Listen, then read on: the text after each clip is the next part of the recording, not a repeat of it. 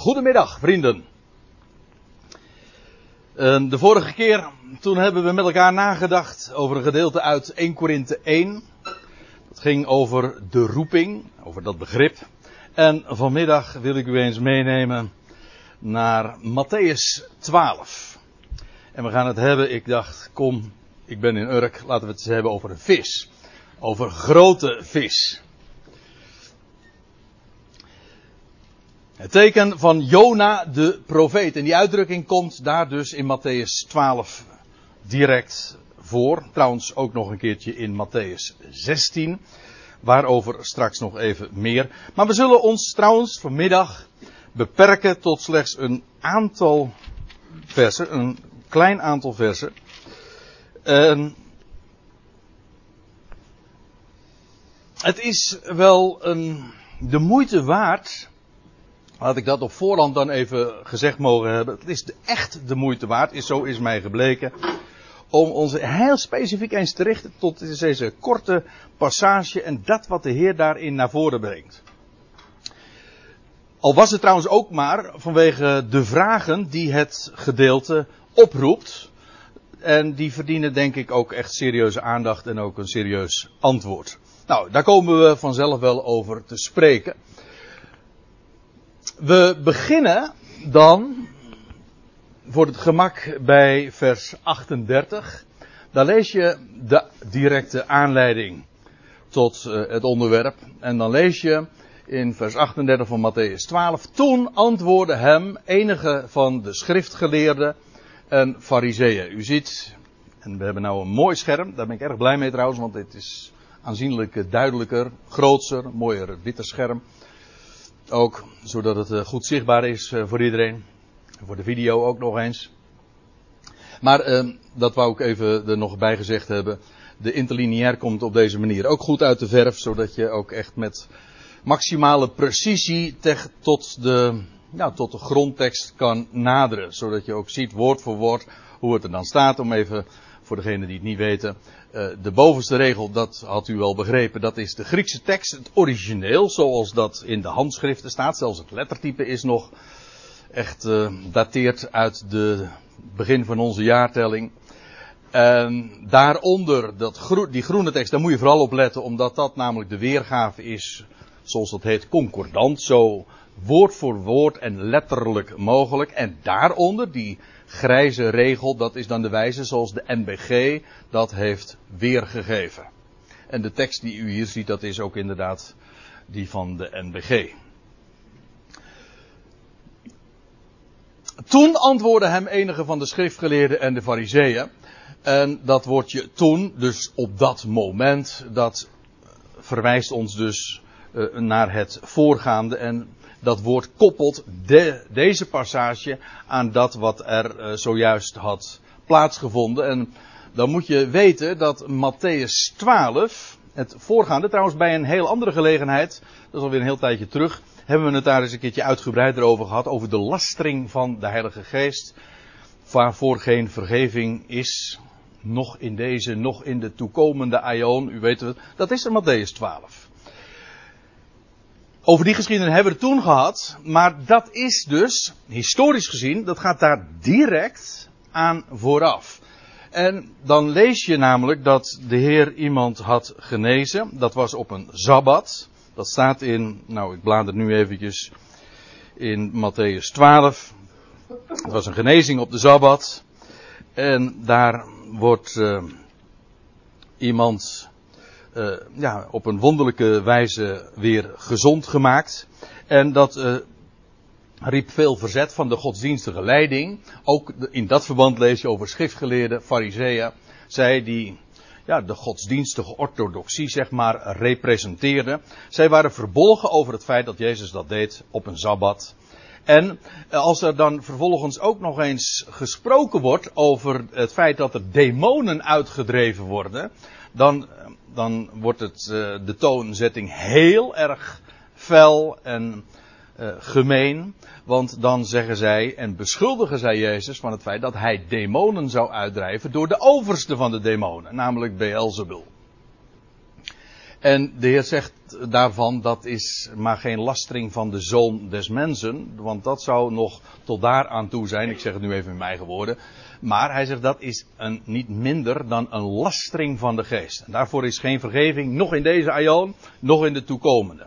Mensen zeggen dan van, ja, daar is nooit meer vergeving voor in eeuwigheid. Nou, dat staat er niet. Daar hebben we toen tijd uh, het ook over gehad. Dus dat hoef ik niet nog eens een keertje dunnetjes over te doen.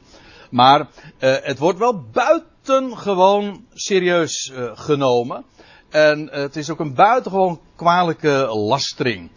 Geen lastering zozeer van de zoon des mensen, zoals gezegd, maar het was een lastering van de Heilige Geest. En nou, in die context, als dat dan zo besproken is, en er zijn over en weer, moet ik er ook bij zeggen, zijn er harde woorden gevallen. Nou, kijk maar eens een keertje. Niet alleen maar wat zij dan zeggen over Jezus, maar wat uh, de, heer, de Heer dan ook aan het adres van deze godsdienstige leider zegt. Want hij noemt hen uh, in vers 34 zelfs andere gebroed. Nou, dat uh, ligt er toch ook niet om. Dat is dus de heer, nou, dat geeft dus de sfeer aan die er toen was. De godsdienstige leiding aan de ene kant en Jezus die zijn woord spreekt, maar zijn woord ook kracht bijzet, of, of moet ik zeggen, God zet zijn woord kracht bij door genezingen, et cetera. En ook door uh, demonen die worden uitgedreven. Nou, het is bij die gelegenheid, dat is wat er hier naar voren gebracht wordt. Het is bij die gelegenheid dat zij, um, die schriftgeleerden en fariseeën, hem antwoorden. En dan zeggen zij, meester, wij zouden wel een teken van u willen zien. Nou, dat uh, als je even goed weet wat er zojuist niet alleen maar heeft plaatsgevonden, maar wat er in het voorgaande allemaal al heeft gebeurd, en wat de Heer aan wondertekenen verricht heeft, dan is dit natuurlijk een zeer hypocriet verzoek. Ik kan het niet anders noemen. Trouwens, het is de Heer zelf die dat dan ook zo uh, aan de kaak stelt. Uh, kijk, op zich, ik heb dat wel eens gedacht van het, het verzoek of de vraag om een teken, dat dat zelf in zich uh, hypocriet of uh, ongelovig zou zijn, dat kun je niet uh, hard maken volgens mij. We lezen bij meerdere gelegenheden, ook in het Oude Testament al, dat er een teken gevraagd wordt. De eerste de geschiedenis die mij dan zo voor de geest komt, is die van de geschiedenis van Gideon, die een teken vraagt. Uh, en dan nog een, een dubbelteken zelfs. U weet wel van dat wollen vries. een prachtige typologie enzovoort zit erachter. Maar daar gaat het nu even niet om. Het gaat er even om dat er een, een teken gevraagd wordt. En de Heer honoreert dat door dat teken ook te geven. En bij gelegenheid dat zelfs te herhalen op een omgekeerde manier dan. Kijk, dus je kunt niet zeggen dat het, het verzoek om een teken aan zich hypocriet is, maar in dit geval wel, want ze hadden namelijk niet anders tot dusver dan tekenen gezien. Dus als zij nu vragen van willen willen een teken zien, daarmee zeggen ze feitelijk, tot dusver hebben we nog helemaal niks gezien van u. En dat wat we gezien hebben, dat, dat voldoet niet aan onze criteria. Dus, dus ja, eigenlijk, eh, als dit hier zo staat, dan, is, dan gaat eigenlijk de geschiedenis, hè, wat ik zojuist al even geschilderd heb, van eh, het voorgaande, het wordt gewoon voortgezet. Nou, blijkt dan ook wel, want als de Heer daar dan op antwoordt, dan zegt hij, hij, Jezus dus, antwoordde hen en, en zeide, het is een boos, een boosaardig, dus dat zegt iets over de motieven. Het is, het is niet zuiver, het is onzuiver, het is boosaardig. En bovendien, een, het is een boos en overspelig geslacht of een, eigenlijk ons woordje generatie, je herkent het er nog in, dat komt eigenlijk ook uit het Grieks. En dat is wat hier dan eigenlijk staat. Het begrip is breder dan alleen maar een generatie. Het kan ook nog wel uh, een soort betekenen. Maar we zullen straks ook zien dat het vooral de gedachte ook heeft van een generatie. Daarom, um, trouwens, dat, die betekenis heeft het bij ons ook primair. Hè? Dit geslacht. Het ene geslacht komt, het andere geslacht gaat. dan hebben we het over de wisseling van de generaties. Wel, ik kom daar wat uitgebreider op uh, terug, want dat is van belang nog voor de uitleg van, van de volgende verse. Maar eerst even nu dit. Uh, hij antwoordde en zei: Een boosaardig en een overspelige generatie verlangt een teken. Dat wil zeggen, daarmee kwalificeert hij hen. Degene die dit nu zeggen, hij zegt: Dit is het feit dat jullie dit nu zo vragen, dat geeft aan dat, dat jullie boosaardig zijn. Dat is één ding. En bovendien, oh, het is overspelig. En overspelig wil zeggen, ja, hoererend. Jullie lonken, eigenlijk dat, nou, niet alleen lonken, naar een ander dan de enige man met wie jullie getrouwd zijn. Dat is eigenlijk wat overspel is. Jullie zijn getrouwd, maar jullie uh, als, als de, de vrouwelijke, als de echtgenoten, jullie uh, gaan, gaan in zee met andere mannen. Met een andere man. Dat is taal die we natuurlijk heel goed herkennen van het Oude Testament. Het zijn de profeten die heel dikwijls eh, over dat soort uh, metaforen spreken. Het hele idee daarbij is dat het oude verbond het karakter had van een huwelijksverbond. Het oude verbond is nu God was zijn volk getrouwd. Hij was de man en het volk was zijn vrouw. Israël de vrouw. Ik geloof trouwens dat dat, maar dat is natuurlijk een, een, een item aan zich, dat dat ook in het Nieuwe Testament helemaal niet verandert. De vrouw, de bruid, is Israël. Nou, ook als we het hebben over het nieuwe verbond, is dat, dan gaat het niet over de gemeente, uh, dat is nooit uh, de. Nou, de vrouw zou je nog kunnen, enigszins kunnen verdedigen, maar het is niet de bruid. Dat, daar heb ik het. Pardon. Daar heb ik het nu verder even niet over. Het gaat me nu even om het feit dat de Heer hen aan de kaak stelt als een overspelig geslacht. Dat een teken verlangt. Kijk, het is boos en overspelig als je, zoals zij, geen teken willen aannemen. Ze verzoeken een teken, maar dat is alleen maar eerlijk als je ook bereid bent, als het teken plaatsvindt, je te laten overtuigen daardoor. Nou, dat is wat zij niet deden. En vandaar deze, deze, etiketten. Boos, overspelig. En ook nog even deze uh, term. Daar wil ik u uh, graag even meenemen, helemaal ja, naar het begin van de Bijbel, naar de eerste boeken, naar het boek Numeri. Want daar lezen we en over ja, dat, die metafoor van overspel. Ik zei al, Israël is het volk waarmee God getrouwd was. Uh, zij waren de, echt, uh, de echtgenoten. Het land wordt ook beschreven als de echtelijke woning. En, als, uh, en het is ook zo dat als Israël overspelig blijft doen en andere goden achterna loopt. Afgoderij was voor Israël, had het karakter van hoererij. Ze waren getrouwd met God. Wel, dan betekent dus dat als ze andere goden achterna liepen, dan was dat hoererij. Maar daarmee dus, ja, af, afgoderij of hoererij, dat waren feitelijk, dus synonieme begrippen. Afgoderij is hoererij, voor Israël dan. Omdat zij getrouwd waren met de Heer. Dat was het idee. Maar dan nu heb ik nu neem ik u even mee naar nummer 13. Ja, want het overspelige geslacht, zo wordt namelijk ook de generatie genoemd die omkwam in de woestijn. Oh, ik zei nummer 13, ik bedoel nummer 14. Daar lees je dit. Daar staat dit. Dit is uh, net nadat de twaalf verspieders het land waren ingeweest gedurende 40 dagen. En dan komen zij weer terug bij het volk. En dan zijn het slechts Jozua en, en Caleb die hen erop wijzen, het volk erop wijzen van, ja, God heeft dit beloofd, dit land. En hij zal dat ook aan, aan, aan jullie geven. Het zijn de tien, tien verspieders die uh, heel ander advies geven.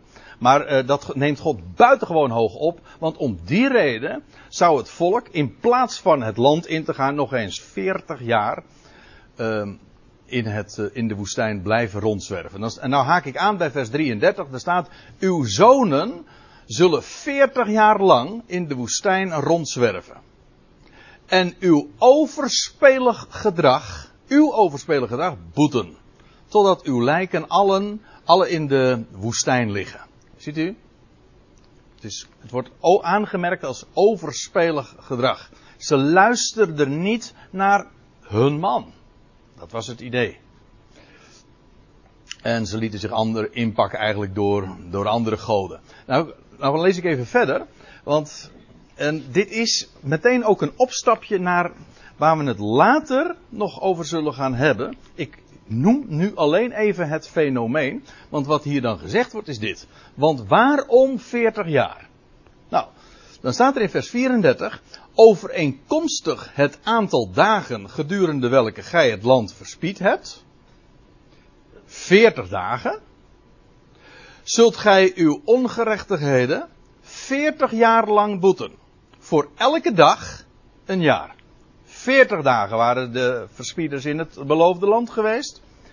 40 jaar, voor elke dag een jaar, wordt het volk, zal het volk verblijven in de woestijn totdat ze allemaal zijn omgekomen in de woestijn. Totdat uw lijken alle in de woestijn liggen. Omdat je weet wat het betekent als ik mij afkeer. Dat is dat, uh, dat uh, zou Israël dus daadwerkelijk ook aan de lijve gaan ondervinden. Hier dus. En dan wordt er trouwens ook gesproken, in de, in de psalmen lees je dat, in, later wordt het in de Hebreeënbrief ook aangehaald, namelijk dat uh, Israël, die generatie, die wordt ook inderdaad aangeduid als dit. Dit geslacht, dat wil zeggen, deze gedurende deze 40 jaren zullen jullie verblijven in de woestijn. En pas daarna zal de intocht plaatsvinden in het, in het beloofde land via de Jordaan en achter Jozua aan. Ook dat zit natuurlijk boordevol typologie. Ik geloof dat trouwens ook deze 40 dagen weer een type zijn, maar dat zeg ik eventjes voor degene die dat uh, thuis nog eens een keertje willen nakijken.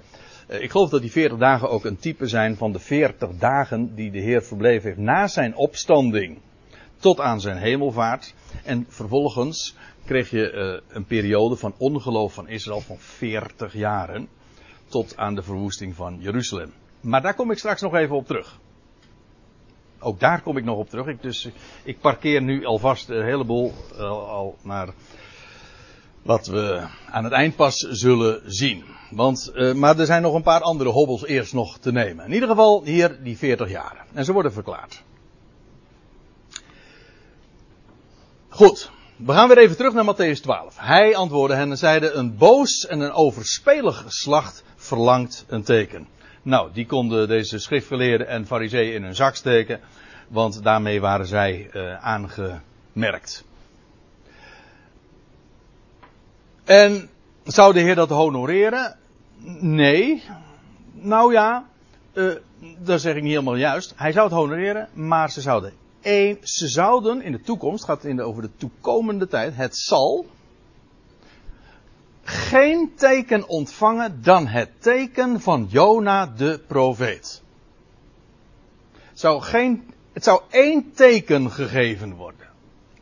In de toekomst. Kijk, de Heer deed hier op aarde vele tekenen.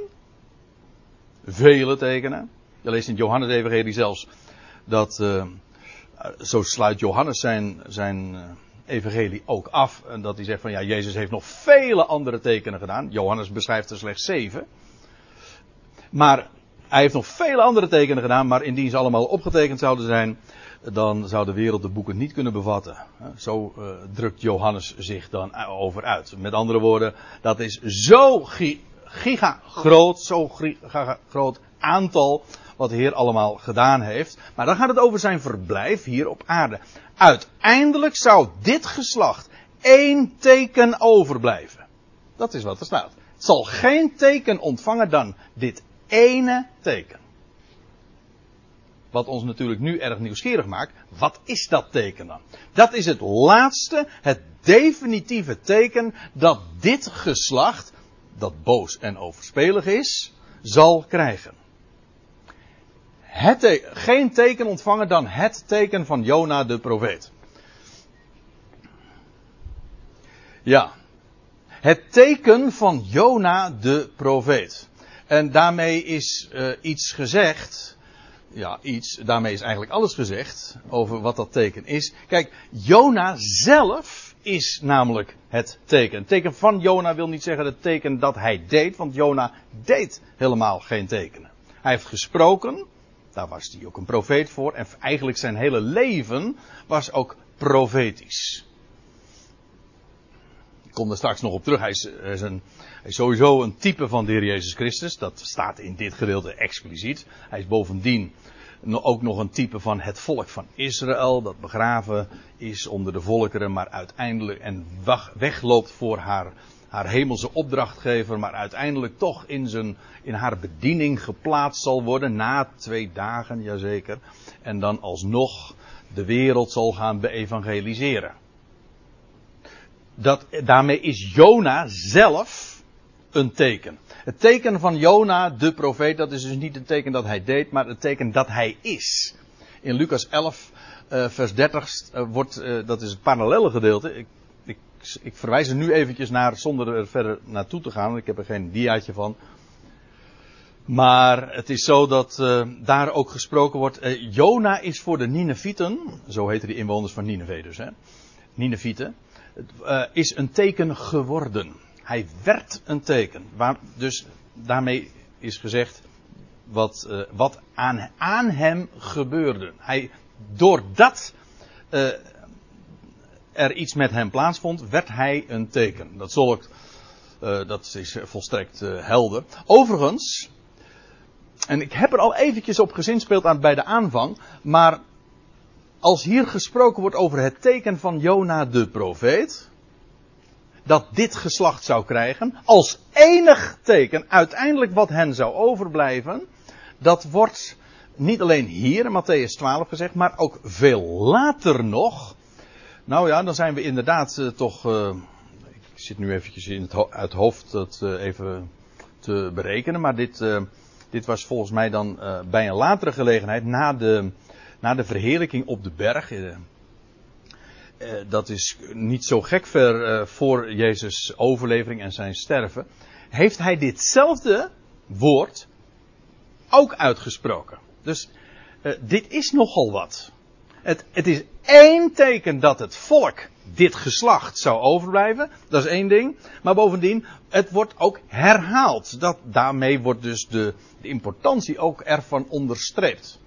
In Matthäus 16 staat namelijk exact hetzelfde. Of vrijwel uh, gelijk, gelijke luidende woorden. Een boos en overspelig geslacht verlangt een teken. Het zal geen teken ontvangen dan het teken van Jona. Dan lees je in dat verband, hij verliet hen en hij ging heen. Dus ja, nou ja, hier staan uh, dezelfde woorden. Dus dit wordt herhaald. Maar goed, dat uh, behoeft tekst en uitleg. Want vervolgens staat er in vers 40 van Matthäus 12. Het, dus voor de goede orde. Het zal geen teken ontvangen, dit geslacht, dan het teken van Jona, de profeet. Hoezo? Nou, dan gaat de Heer dat uitleggen. Want, net zoals gelijk Jona was uh, drie dagen en drie nachten in de buik van het zeemonster.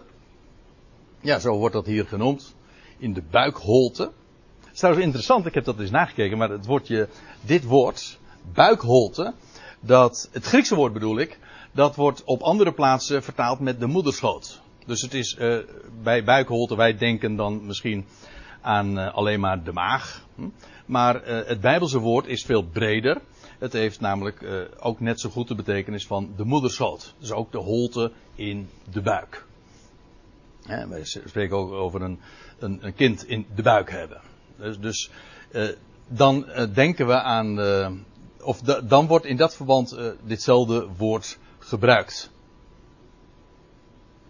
En als je er trouwens zo over nadenkt, dan in verband met Jona, dan was het dus feitelijk zo dat Jona, hij was in de, in de buikholte, maar je zou het dus net zo goed kunnen vertalen in de moederschoot van de grote vis. Hm? Zodat hij eigenlijk wedergeboren werd.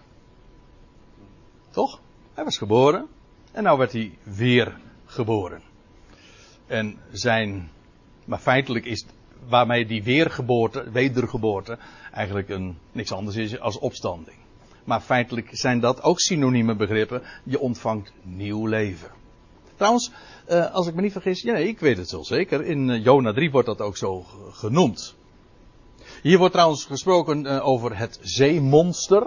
Dat betekent gewoon, ja, dat zal, dat is geen zoologisch, zo, zoals dat zo mooi woord heet, definitie.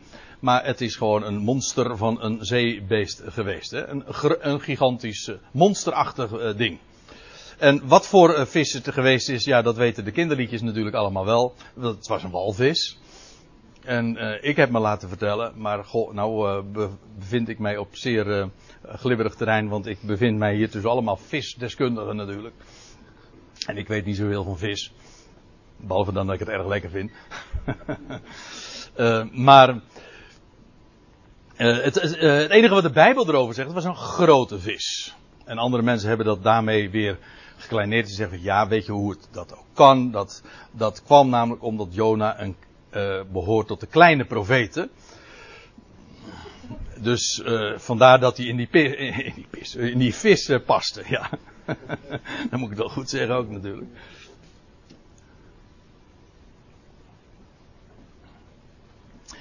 Uh, maar uh, goed, uh, moet ik dat nog uitleggen dat dat toch erg anders was? Want dat Jona een kleine profeet was, heeft niks met zijn fysieke grootte te maken of met zijn lichaamslengte, maar met de omvang van het boek dat hij achtergelaten heeft. Dat is betrekkelijk klein.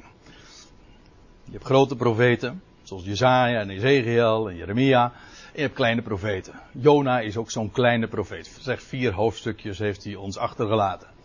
Vandaar. Maar goed, dat even terzijde, want dat lijkt me niet zo heel erg ter zake doend verder. Uh, gelijk Jona drie dagen en drie nachten in, het in, in de buik van het zeemonster was. Drie dagen en drie nachten, dat is rechtstreeks overgenomen ook en geciteerd uit Jona.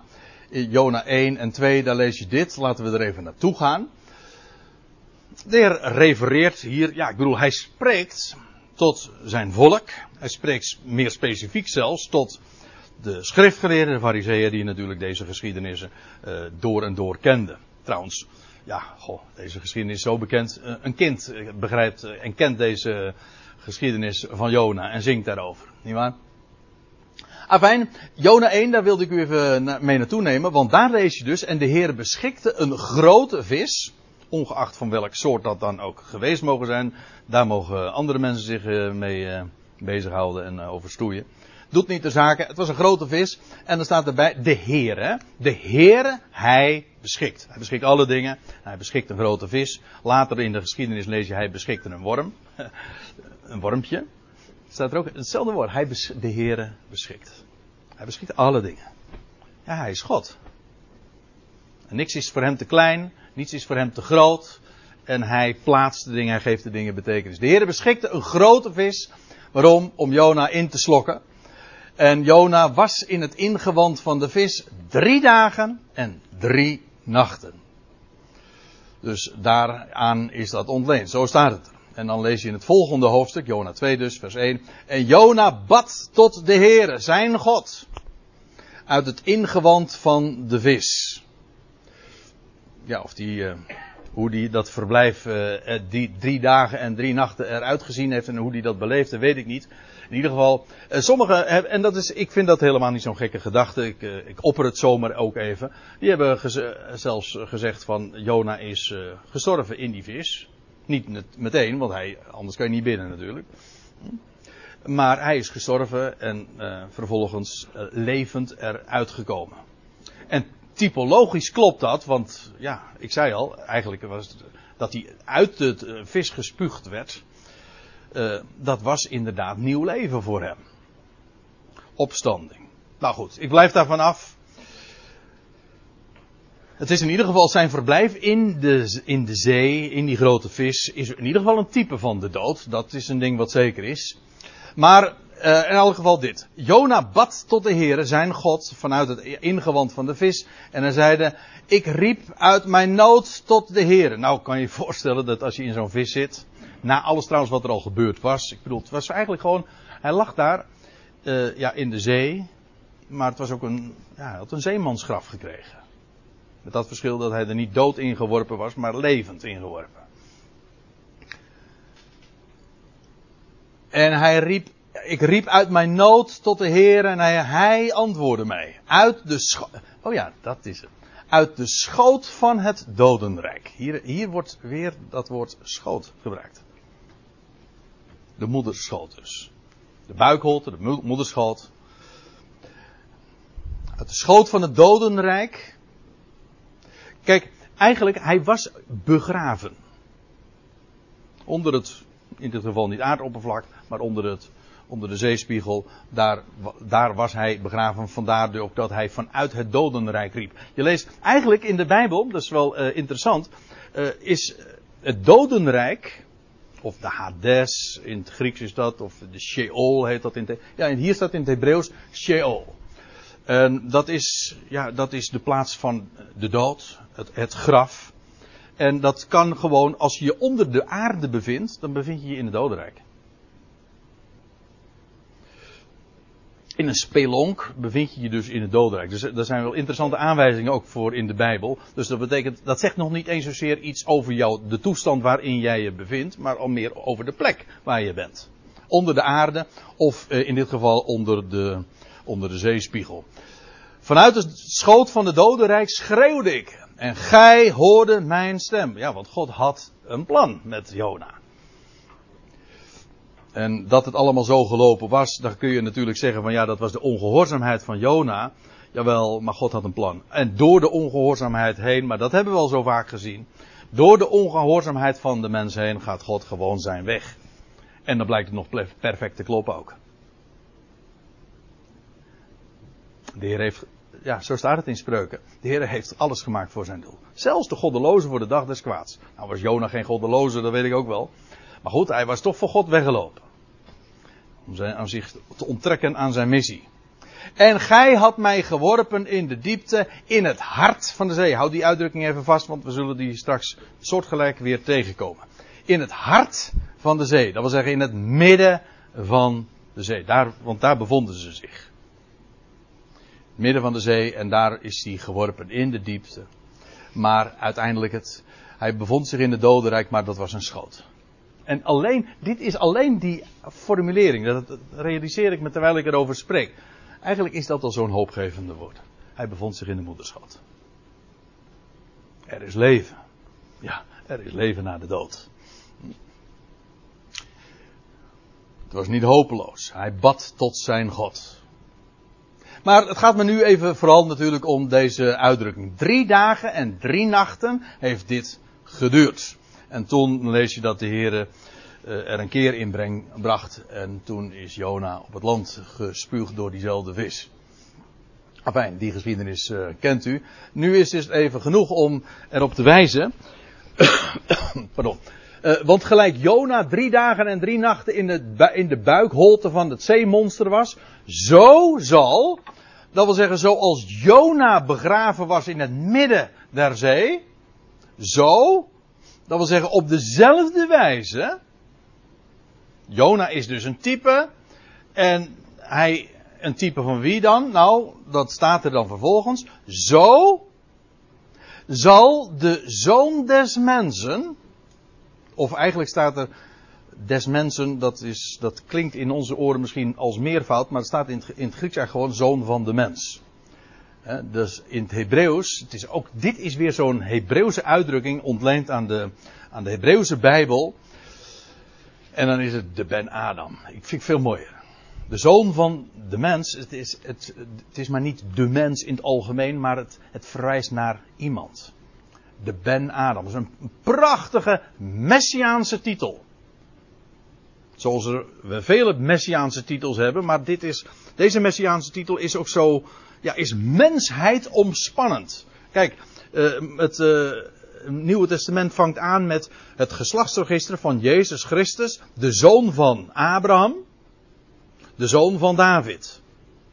Ja, maar zowel de term zoon van David als, zoon van Abraham, ja, dat, uh, ja, dat verwijst naar, ja, naar, naar de, zijn Israëlitische oorsprong en naar zijn Davidisch koningschap. Maar de zoon van Adam, de Ben Adam wil zeggen, hij is de erfgenaam van Adam. Alles wat Adam kreeg, dat wordt overgeërfd naar de uiteindelijke zoon van Adam. De Ben Adam. En die uitdrukking, u vindt hem in Psalm 8 onder andere.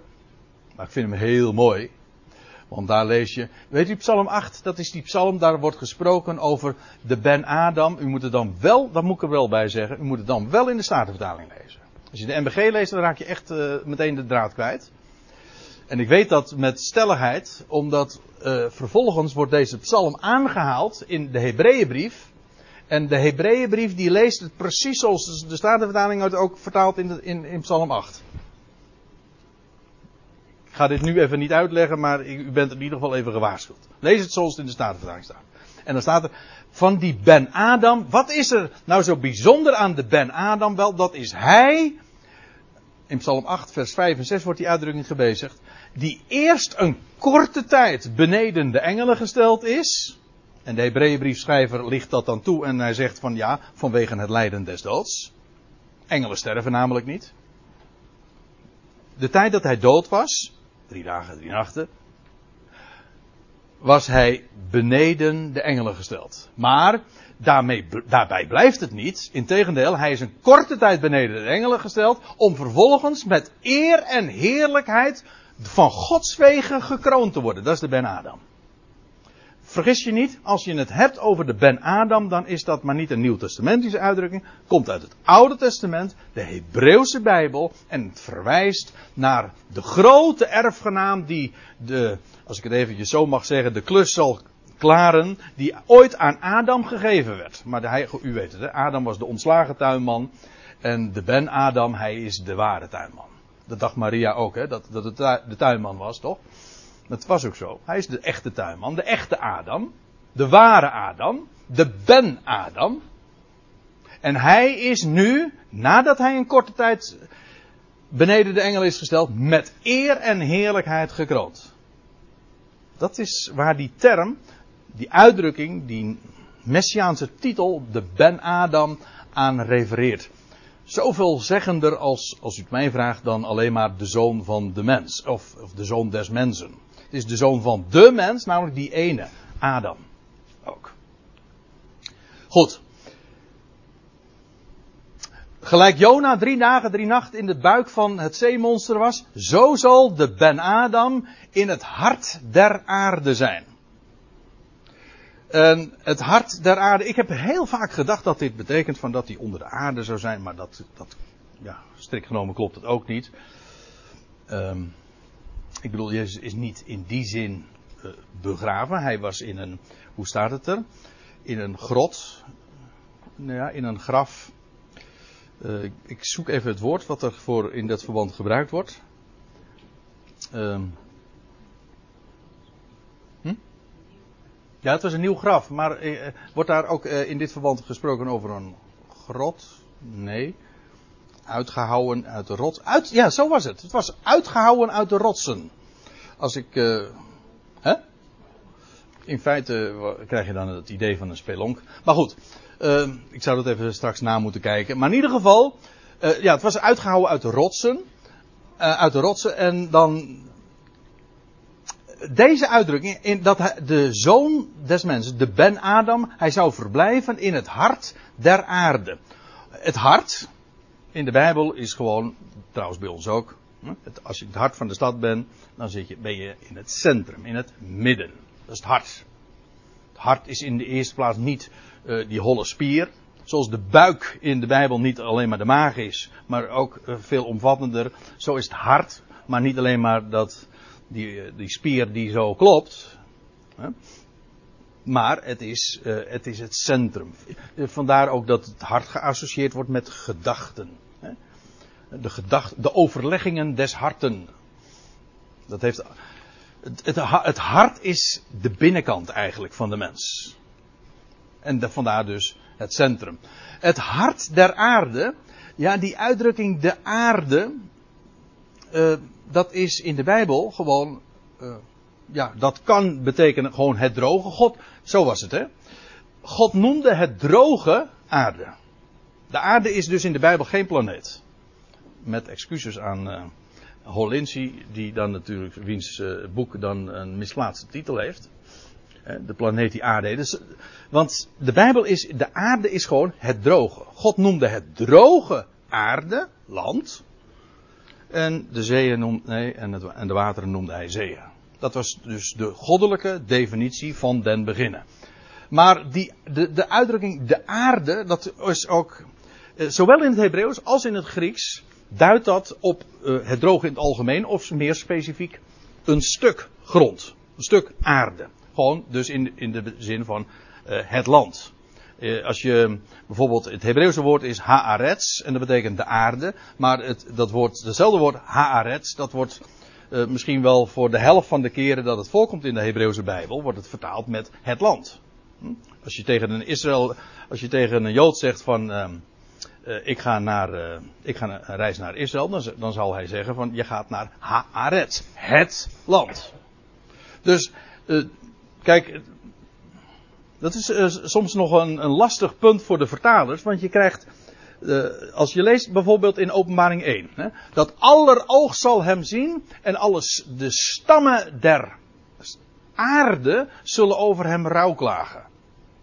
Staat er dan in de meeste vertalingen. Als u een Telos vertaling hebt, dat weet ik uh, toevallig uit mijn hoofd, een Telos vertaling, dan staat er en alle stammen van het land zullen over hem rouwklagen. De aarde, het land, is gewoon exact hetzelfde.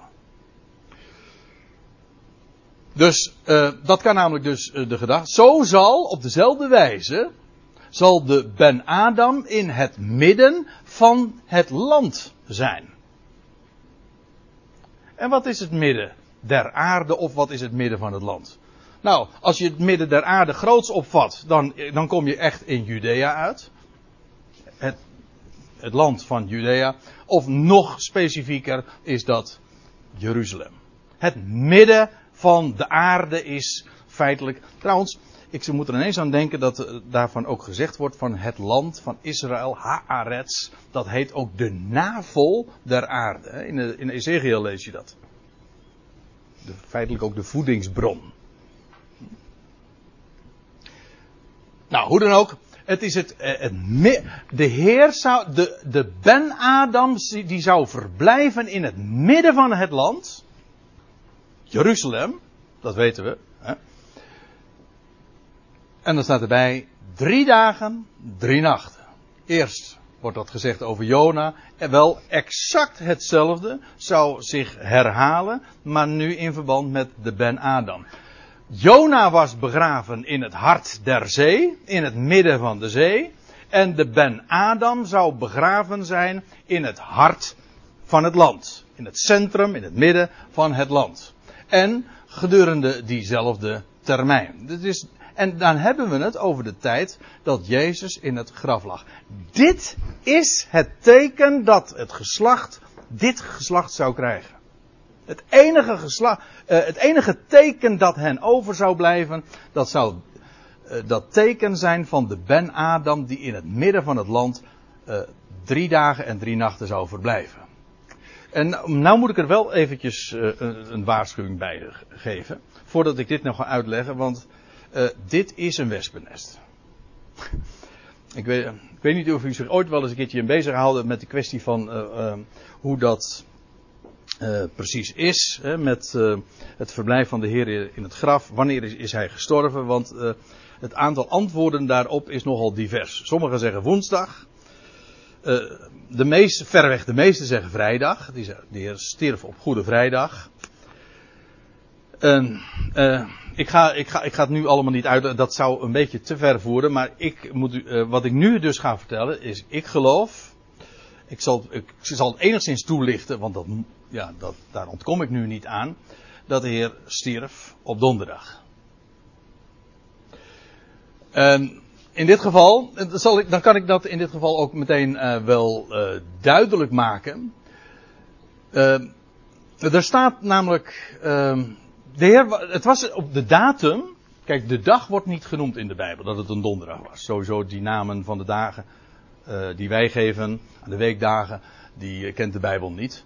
Maar ik weet wel, dat was de 14e Nisan. Dat was de dag van het Pascha. De dag dat het lam geslacht moest worden. En dat was uitge... Ja, go, uh, goddelijk design. Wanneer moet het... Wanneer is, zou ons Pascha nou geslacht zijn? Op de datum die God al 15 eeuwen daarvoor al gefixeerd had. Gewoon de 14e Nisan. Dat was het moment. Hij stierf in de middag trouwens tijdens het avondoffer. Net op het moment dat al die lammeren daar geslacht werden, toen stierf de Heer. Dat was trouwens ook het moment dat, het, dat de, de voorhang van de tempel, dat gigantische gordijn dat voor het heiligdom hing, 25 meter hoog, ook scheurde. In ieder geval, dat was het moment dat hij stierf. Dan krijg je vervolgens een nacht. De eerste nacht dat hij in het graf lag. Uh, de dag daarop, dat was zijn eerste dag in het graf. Kijk, hij stierf, maar hij werd, u weet, to, voordat hij begraven was, toen was het al inmiddels avond geworden. Het was allemaal, het was, van, ook, het was een grote, een heel haastig gebeuren. Waarom? Er brak namelijk een jaarzabbat aan. De 14e Nisan is namelijk de dag van het Pascha. En u leest al in Leviticus 23 dat de 15e Nisan, dan was, dan zou er, dat was een dag, een datum, waarin geen slaafse arbeid verricht mocht worden. En het was dus in de praktijk een Sabbat. Ongeacht op welke dag van de week dat viel. Het was de 15e Nisan. En de 15e Nisan was in de praktijk dus een, een jaarlijks terugkerende Sabbat. Dat was zijn eerste dag in het graf. Uh, dan volgt de, de nacht van vrijdag op zaterdag. En de 16e Nisan, dat was zijn tweede dag in het graf. En dit was dus weer een sabbat, alleen dit was gewoon de gewone wekelijkse sabbat. En daar, dus een, ik, ik zei al, uh, het is een heel uitgebreid onderwerp en daar zitten veel, ik weet dat heel goed. Uh, dus ik ga mijn nek nu ook niet uitsteken om dat allemaal, alle, alle aspecten hiervan nu te bespreken. Maar ik, één ding eh, is wel even boeiend in dit verband ook te noemen. Dat is dat er in de, dat de Bijbel ook spreekt over sabbatten die, die er vielen. In Matthäus 28, het is de, verre de meeste vertalingen hebben het wegvertaald. En die spreken over enkelvat, maar er wordt gesproken over de sabbatten die volgden. En dat is uh, ja, niet zo moeilijk dan. Want de 15e Nisan was een sabbat. En de dag die daarop volgde was wederom een sabbat. Maar dan de wekelijkse, gewone sabbat. Dan krijg je vervolgens nog een derde nacht. De nacht dus na. Uh, tussen zaterdag op zondag. En dan vervolgens. Uh, dat is de 17e Nisan. Over die datum hebben we het ook wel eens een keer gehad. Zo hebben we de loop der tijd toch wel het een en ander besproken, nietwaar? Dat was de dag dat hij Goddank, we hebben er zojuist over gezongen. Vroeg in de morgen werd de steen van het graf weggewenteld. Dit was de derde dag. Ja, dat hij in het graf was. Niet het was niet de derde dag dat hij dood was. Ja, sorry. Kijk, hij stierf hier. Dit was zijn eerste dag in de dood. Maar het eerst was, dit was de eerste dag dat hij in het graf was. Vandaar ook dat je verschillende uitdrukkingen tegenkomt. Hij is opgestaan op de, op de derde dag ten derde dagen, maar ook staat er na drie dagen. Hoe kan dat? Nou, dat komt omdat je verschillende dingen dan telt. Als je telt de tijd dat hij uh, dood was, dat was donderdag, dan was dit de eerste dag, tweede dag, derde dag, en dan was dit dus na drie dagen stond hij op. Maar als het gaat om zijn verblijf in het graf, uh, moet je het zo tellen. Drie nachten. Kijk, daar kom je trouwens met de gewone telling. En ik weet, daar zijn ook weer ingenieuze andere oplossingen voor bedacht. Uh, en uh, om, om je daar, ja, er, als je er per se niet onder, onderuit wil, dan kun, je, dan kun je er onderuit. Maar het loutere feit, wat traditioneel over gezegd wordt, is dat Jezus twee nachten in het graf heeft gelegen. Nou, als hij op Goede Vrijdag stierf, en hij stond op op zondagochtend, dan heeft hij twee nachten in het graf gelegen, nietwaar? Maar wat was het teken? Nou, dat ene teken. Jona, van Jona de profeet lees je. Niet alleen over drie dagen, maar ook over drie nachten. Hoe kom je aan die drie nachten? Nou, de simpelste oplossing is deze. Dus mij vraagt. Gewoon, dit zijn drie nachten. En ja, dan kom je natuurlijk nog op een andere verhaal. Maar dat, uh, daar gaan we het ook maar niet over hebben. Maar ik, wil, ik kan het niet nalaten om er even op te wijzen. Zoals deze dag natuurlijk zo betekenisvol was. Dit was de dag van het Pascha, de 14e Nisan. Hij lag in het graf. Hij heeft de Sabbat gehouden. Hij heeft gerust in het graf. Twee Sabbatten achtereen. En vervolgens, de derde dag, stond hij op. Na drie nachten verrees hij uit het graf. En wat dacht je wat? Dit was de dag van de eerstelingsschoof. In Leviticus 23 lees je al dat de, de dag na de wekelijkse Sabbat, er wordt geen datum voor genoemd, maar dat was de dag dat de eerstelingsschoof van de gerstenoogst voor de heren bewogen zou worden. En ja, dat is zo geweldig. De eersteling van de oogst werd aan God aangeboden, werd, nee, er staat nog anders. Hij werd bewogen voor het aangezicht van Yahweh. De eersteling uit het graf, uh, die werd bewogen op de dag ja, van de eerstelingsschoof. En dat was uitgerekend ook de dag dat de eersteling het graf definitief ach, leeg achterliet als een garantie voor heel de mensheid. Zoals in Adam allen sterven, zo zullen in Christus alle mensen worden levend gemaakt. Oké, niet allemaal tegelijk, ieder in zijn eigen rangorde. Maar dat is toch geweldig. De eersteling. Hij stond op op die dag. Dus, dat even. Is hij ook naar de hemel gegaan als, als eerstelingsschoof? Ja, dat geloof ik ook. Maar vind je het goed als we dat eventjes uh, uh, een andere keer, want ik, ik zie nu al dat ik in tijdnood kom, maar dat is altijd zo. Maar als ik dit er ook nog bij ga betrekken, maar hij is wel heel mooi hoor. Goed, dit dus even wat betreft die termijn, hè, over drie dagen, drie nachten. Um, ja, daar moet, ik, nou, moet ik er nog wel bij zeggen. Want let op, het teken dat het dit geslacht zou krijgen, dat is niet de opstanding. Staat er ook niet. Er staat, zo zal de zoon in het hart van het land zijn, drie dagen en drie nachten. Niet Jezus' opstanding was het teken, maar zijn verblijf in het graf. Drie dagen, drie nachten. Dat teken heeft dit geslacht gekregen. En daarna was het graf leeg. Dat is niet alleen maar de claim van de, van de twaalf apostelen en van het evangelie. Het graf is leeg. Nee, dat wisten ze allemaal. Ook de, de tegenstanders. Daarom, de Joodse autoriteiten was er ook alles aan gelegen om een ander verhaal in de wereld te verspreiden, wat ze erg goed gelukt is. Namelijk dat uh, Jezus lichaam gestolen zou zijn. Want één ding was namelijk onmiskenbaar. Vriend en vijand wisten dat. Het graf is leeg. Hij was begraven, er was een steen voor gewenteld, een gigantische steen. Was bovendien keizerlijk verzegeld.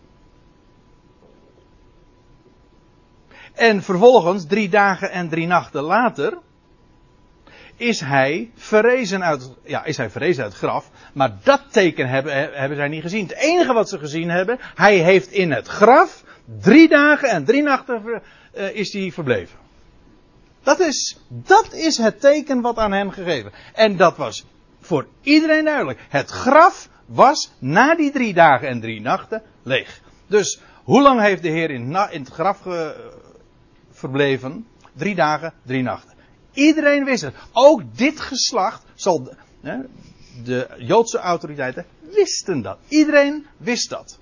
De verklaring hoe, uh, waarom dat graf leeg was.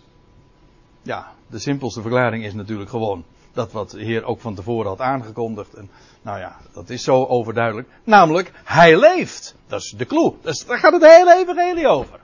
Neem dat weg en je hebt, hebt niks, je houdt niks over. Dat is het. Hij leeft. En daarom is het graf leeg. Maar dat het graf leeg was, ja, dat wist iedereen. Daar konden ze niet onderuit. Was ook nooit ontkend.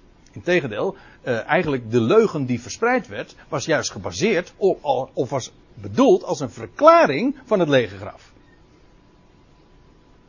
Dan heb ik er nog wel eentje. Want één ding is uh, zeker. Men, ik bedoel dit geslacht, zij hebben Jezus niet meer gezien. Heel uitdrukkelijk niet. De Heer is verschenen aan velen, zelfs een keer aan 500 broeders tegelijk. Maar altijd aan zijn getuigen. Nooit aan het volk meer. Dit zegt, Petrus zegt het in het huis van Cornelius ook van, hij is verschenen niet aan het hele volk, maar aan de getuigen die hij tevoren had aangewezen. In Handelingen 10 leest u dat. He? Aan, niet aan het volk. Dat was namelijk, de Heer gaat wel een keer verschijnen aan het volk, maar dat is, dat, dat, dat duurt nog even. Toen niet. En dat had de Heer ook van tevoren gezegd. In Johannes 14, dan lees je ook dat de Heer zegt, dat zegt hij in de opperzaal.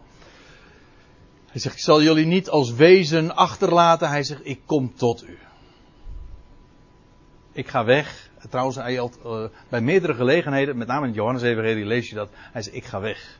En dan wordt er hevig gespeculeerd waar hij dan op zou doelen. En sommigen hebben gezegd zelfs van dat hij zelfmoord zou plegen, hebben ze gedacht. Maar de Heer zegt tegen zijn discipelen: Ik kom tot u. Nog een korte tijd. En de wereld ziet mij niet meer. Dit zegt hij in de nacht dat hij overgeleverd werd. Nog een korte tijd, nog één dag. En de wereld ziet mij niet meer. Het laatste wat de wereld van hem gezien heeft, is een graf. En in dat graf heeft hij drie dagen en drie nachten verbleven. En daarna was het graf leeg. Dat is het teken wat het geslacht heeft gekregen. Maar goed, de Heer zegt uh, tegen de zijnen nog een korte tijd. De wereld, ook de godsdienstige, gewoon de wereld in het algemeen, ze ziet mij niet meer. Maar gij ziet mij. Hij zegt, I'll be back. Hè? Ik kom terug. Ik kom tot u. Maar gij ziet mij, want ik leef. Daarom. En ik, ik, ik leef in de zin van, ik zal leven. Wordt levend gemaakt en gij zult leven. Dat is de hoop die we hebben. Dat is de hoop die doet leven ook. Goed. Dus dat even, dat was het enige teken dat dit geslacht mee zou krijgen. Nou moet ik snel doorgaan, want uh, we hebben nog een vers te gaan. het is maar goed dat we een hele korte passage vanavond uh, bespreken. Er staat, de Heer gaat nog even hierop door. Jona.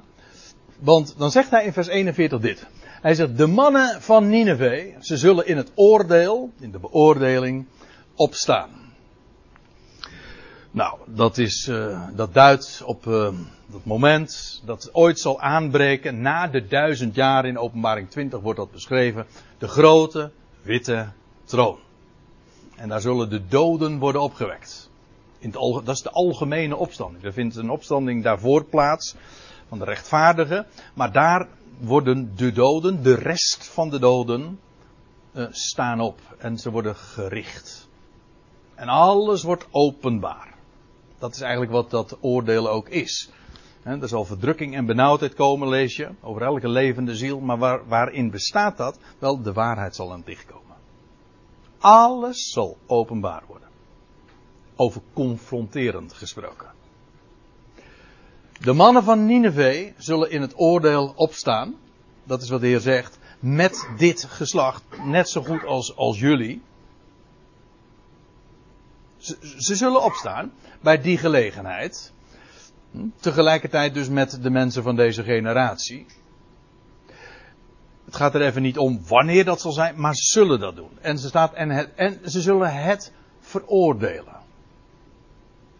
Dat betekent niet dat zij de rechter zullen zijn. Integendeel, zij worden juist, zij worden beoordeeld. Maar, in, maar het feit, die mannen van Nineveh, zij hebben zich bekeerd. Ooit. Dat is een groot verschil. En het feit dat zij zich bekeerd hebben, op het woord dat tot hen gekomen is, dat is een veroordeling van dit geslacht. Want nu stond er iemand die heel wat meer is dan Jona. En ze weigerden. En, en die, die, mannen van Nineveh die zullen straks opstaan, die zullen opstaan. En het loutere feit dat zij zich ooit hebben bekeerd, dat is een veroordeling. Zelfs al zeggen ze helemaal niks, dan is dat een veroordeling van hun eigen, van de onbekeerlijkheid van dit geslacht, van die generatie. Want, zegt de Heer, zij hebben zich bekeerd. Met andere woorden, jullie niet. En, ze, en dat zou trouwens ook niet gebeuren ook. Zij hebben zich bekeerd uh, op de prediking van Jona. Je leest, laten we even naar Jona 3 toe gaan. Daar lees je nog namelijk dit. Als, uh, dit is dus na dat teken dat er heeft plaatsgevonden. Het teken van Jona en de buik van de zeemonster. En dan lees je dat Jona alsnog zijn missie gaat vervullen. En dan staat er in vers 3 van Jona 3. En Jona begon de stad in te gaan, een dagreis, en hij predikte en zeide, nog veertig dagen en Nineveh wordt ondersteboven gekeerd. En dan staat erbij, en de mannen van Nineveh geloofden God. Uh, hoe, hoe, dat zo'n indruk gemaakt heeft, dat is trouwens nog een heel verhaal apart. En waarom Jona's woord zo enorm, zo'n insloeg als een bom. Een gigantische stad, vergis u niet. Dat was, was de hoofdstad van het wereldrijk in die dagen. En dat woord van Jona, die Hebreeuwse profeet, dat, dat sloeg in als een bom.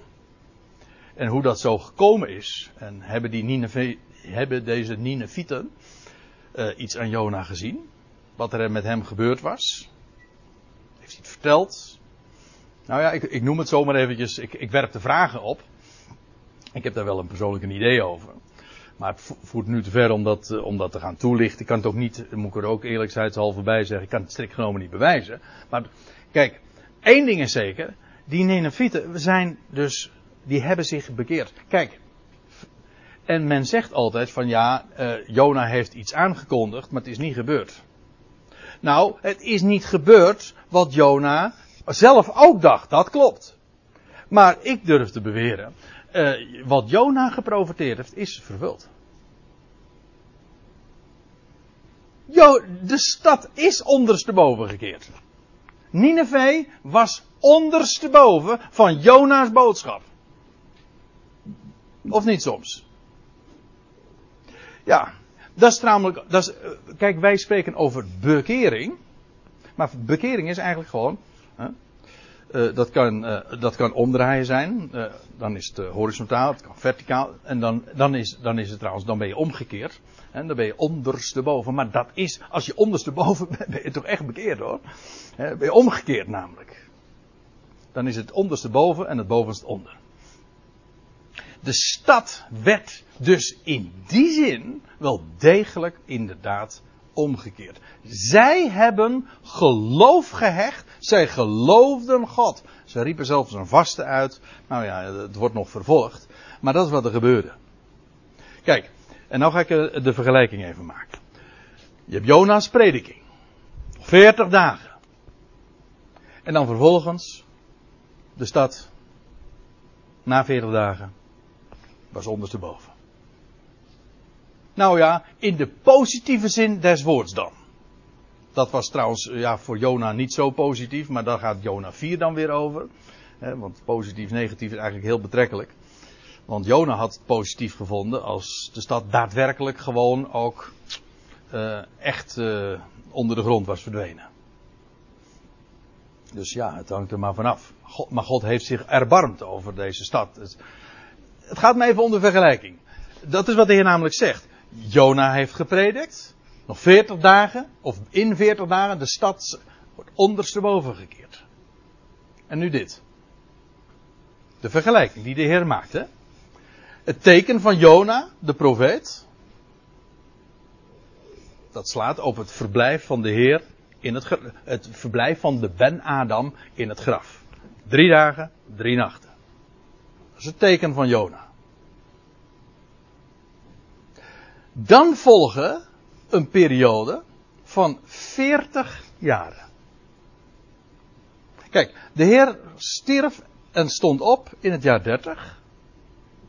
Dat is nog weer een, dat is ook een, trouwens een onderwerp apart. Maar uh, uh, lees uh, even met me mee, denk even met me mee wat er gebeurt. Want de, de parallelie, de, het, of parallelisme, ligt er zo dik bovenop. Want vervolgens krijg je dus een periode van 40 jaren. die 40 dagen die Jona predikte, ja, die staan eigenlijk voor 40 jaar. Elk, voor elke dag een jaar. En er volgt een, een geslacht in de Bijbel, is 40 jaren. Dit geslacht zal niet komen in het eh, in de beloofde land, had de Heer gezegd. En dat wil zeggen, 40 jaren gaan er overheen. Dit, een geslacht, is 40 jaren. Nou, je hebt het teken van Jona, de profeet. Dan volgt een periode van 40 jaren. En het is trouwens heel opmerkelijk hoe vaak in het Nieuwe Testament er niet gerefereerd wordt aan de woestijnreis van Israël, die 40 jaren. Maar dat is, heeft, die 40 jaren zijn zo veelzeggend. Ook met name in de Hebreeënbrief. De Hebreeënbrief die ook gaat over de toekomstige verwoesting, de nabije verwoesting van de stad Jeruzalem. Want wat gebeurt er vervolgens? En dat is de grote tegenstelling.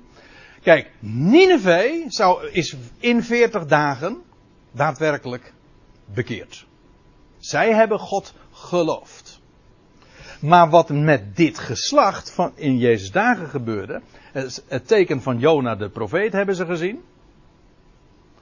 Er volgde een periode van 40 jaren. En wat gebeurde er? 40 jaar later, exact in het jaar 70, werd Jeruzalem compleet met de grond gelijk gewaard. En ook dat was wat de Heer gedurende zijn laatste jaar uh, uh, op aarde, voor zijn, voorafgaand aan zijn sterven, heeft uh, aangekondigd en voorzegd. Dat zou er gebeuren. En het is ook daadwerkelijk letterlijk zo vervuld. Dus het teken van Jona, die en wat er aan de ene kant met Nineveh gebeurde, zij geloofden, vandaar ook dat, eh, dat als zij straks zullen opstaan, is dat een veroordeling van wat ooit van, van de reactie van Jeruzalem. want de Heer die, ja, die heeft daar begraven gelegen, in het hart van het land, eigenlijk in het epicentrum zeg maar, van de toekomstige verwoesting. Hier, hier lag hij begraven. Dit was de ground zero, hè? Zo, zeggen, zo zeggen de Amerikanen dat. Dit was, dit was het centrum. Daar lag hij, daar heeft God het teken gesteld. Drie dagen en drie nachten. En er volgt een periode van 40 jaar. En wat gebeurt er? De hele stad is ondersteboven gekeerd. Maar dan in de negatieve zin. En de hele stad is inderdaad verwoest. En weet u wat nog? Dat wil ik ook nog graag even opgewezen hebben. En dat is dat niet, niet alleen in de schrift staat, maar we, we hebben ook de Joodse geschriften, hè, de Talmud. Ze, de, hun eigen geschriften bevestigen wat ik nu hier vertel.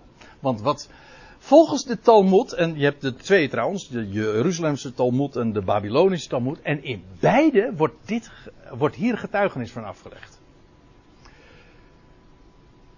Volgens de Talmud vonden gedurende 40 jaar, dat getal wordt diverse keren genoemd, die voorafging aan Jeruzalems verwoesting in 70 AD, dus toen de Romeinen de stad hebben ingenomen.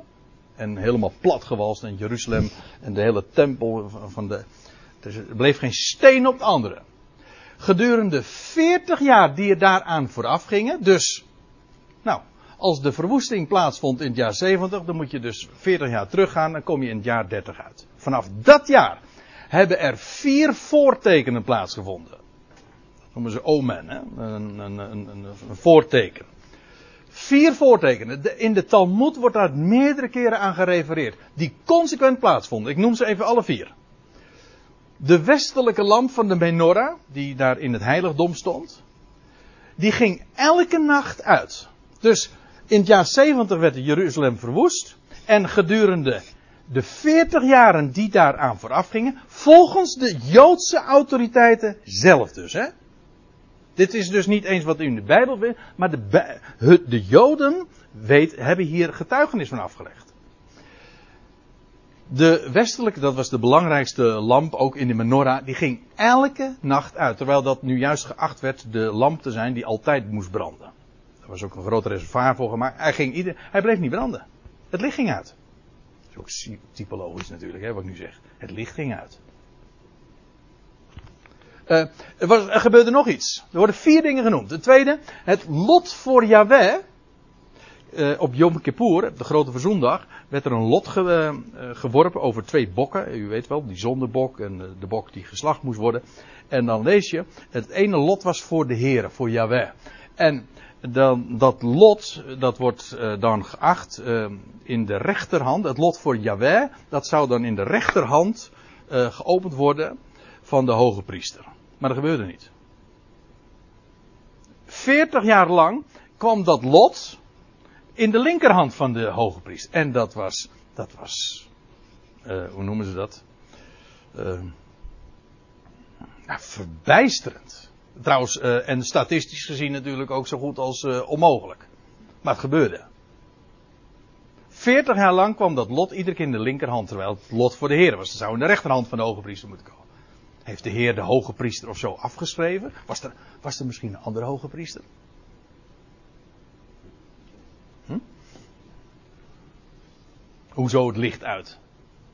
Ik moet erbij zeggen, wat, wat gebeurde er trouwens echt, de eerste, de, waar de Bijbel van getuigt, in de tempel, dus, dus de, het, het, het, het, gordijn, het voorhangsel van de, van de tempel werd gescheurd. Dat was een goddelijke handeling, want het scheurde van boven naar beneden. Dus niet door een aardbeving, maar van boven naar beneden. Nou, vanaf dat moment ging het niet meer goed met de tempel. En zelfs de Joodse autoriteiten en, en hun eigen geschriften bevestigen dit was nog een teken. Eh, er was namelijk een, een draad dat aan de tempel hing. En die op Yom Kippur eh, kleurde dat altijd wit. Ging dat wit kleuren. Dat was ook een goddelijk wonder. En gedurende de 40 jaren die daar aan, aan de verwoesting van de tempel en Jeruzalem vooraf gingen, is dat niet meer gebeurd. Werden die offers die daar gebracht waren, waren, waren die niet langer goed meer of zo? Of niet nodig? En dan had je nog één. De grote deuren van de tempel, die noemen ze de hekel. Als u trouwens hier meer over wil weten, dan kan ik u heel erg een, boek aanbevelen van de, de, ja, het is niet in het Nederlands. Restoring the Original Bible van E.L. Martin. Dr. Martin, die heeft dit uitgebreid beschreven. Geweldig boek. Over de wijze hoe de Bijbelse kanon tot stand gekomen is. Echt fantastisch, vind ik. Echt geeft antwoord op zoveel vragen, maar hij beschrijft ook heel uitgebreid. En hij geeft dan ook de alle bonnetjes erbij van waar dat dan allemaal terug te vinden is. Maar wat hij dan ook beschrijft is dat de grote deuren van de tempel, die noemen ze de hekel, dus Hebreeuws. Die, gingen, die werden elke, namelijk elke avond gesloten. Maar wat gebeurde er? Als ze s morgens kwamen, waren die, die, die gigantische deuren waren ze gewoon spontaan weer geopend. De deur, de weg in het heiligdom was open. Spontaan.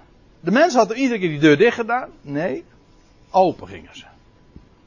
En dat ging en zo dat de, toen, de toenmalige hoge priester ook uitgeroepen heeft: Moet deze tempel dan verwoest worden? En dat was eh, een aankondiging eigenlijk ook. Ja, inderdaad. En, en men wist, dat gaat gebeuren. En dat is uh, natuurlijk, dat heeft ook plaatsgevonden. Maar die 40 jaar, dat is toch bijzonder? Teken van Jona. Dan volgt een periode van 40 jaar. En de stad, waar de Heer begraven lag, drie dagen, drie nachten, is helemaal met grond gelijk gemaakt. Ondersteboven. Ja. En nou moet ik echt afsluiten. En dat laatste wat ik er nog even uh, genoemd wil hebben. De mannen van Nineveh, die zullen in het oordeel straks opstaan. Met dit geslacht en het, en het veroordelen. Want zij, zij hebben zich bekeerd op de prediking van Jona. En zie, meer dan Jona. Dat is wat de Heer zegt. Meer dan Jona is hier. Staat in jullie midden. Vers later zegt hij nog, meer dan Salomo is hier. Want Jona, dat ik hoop dat ik u dat ook wel duidelijk gemaakt. Jona betekent trouwens het Hebreeuwse woord voor duif. Hm? En Jona die heeft een boodschap. Dat weet u, hè? Een, een, duif die brengt een boodschap over. Die heeft post bij zich.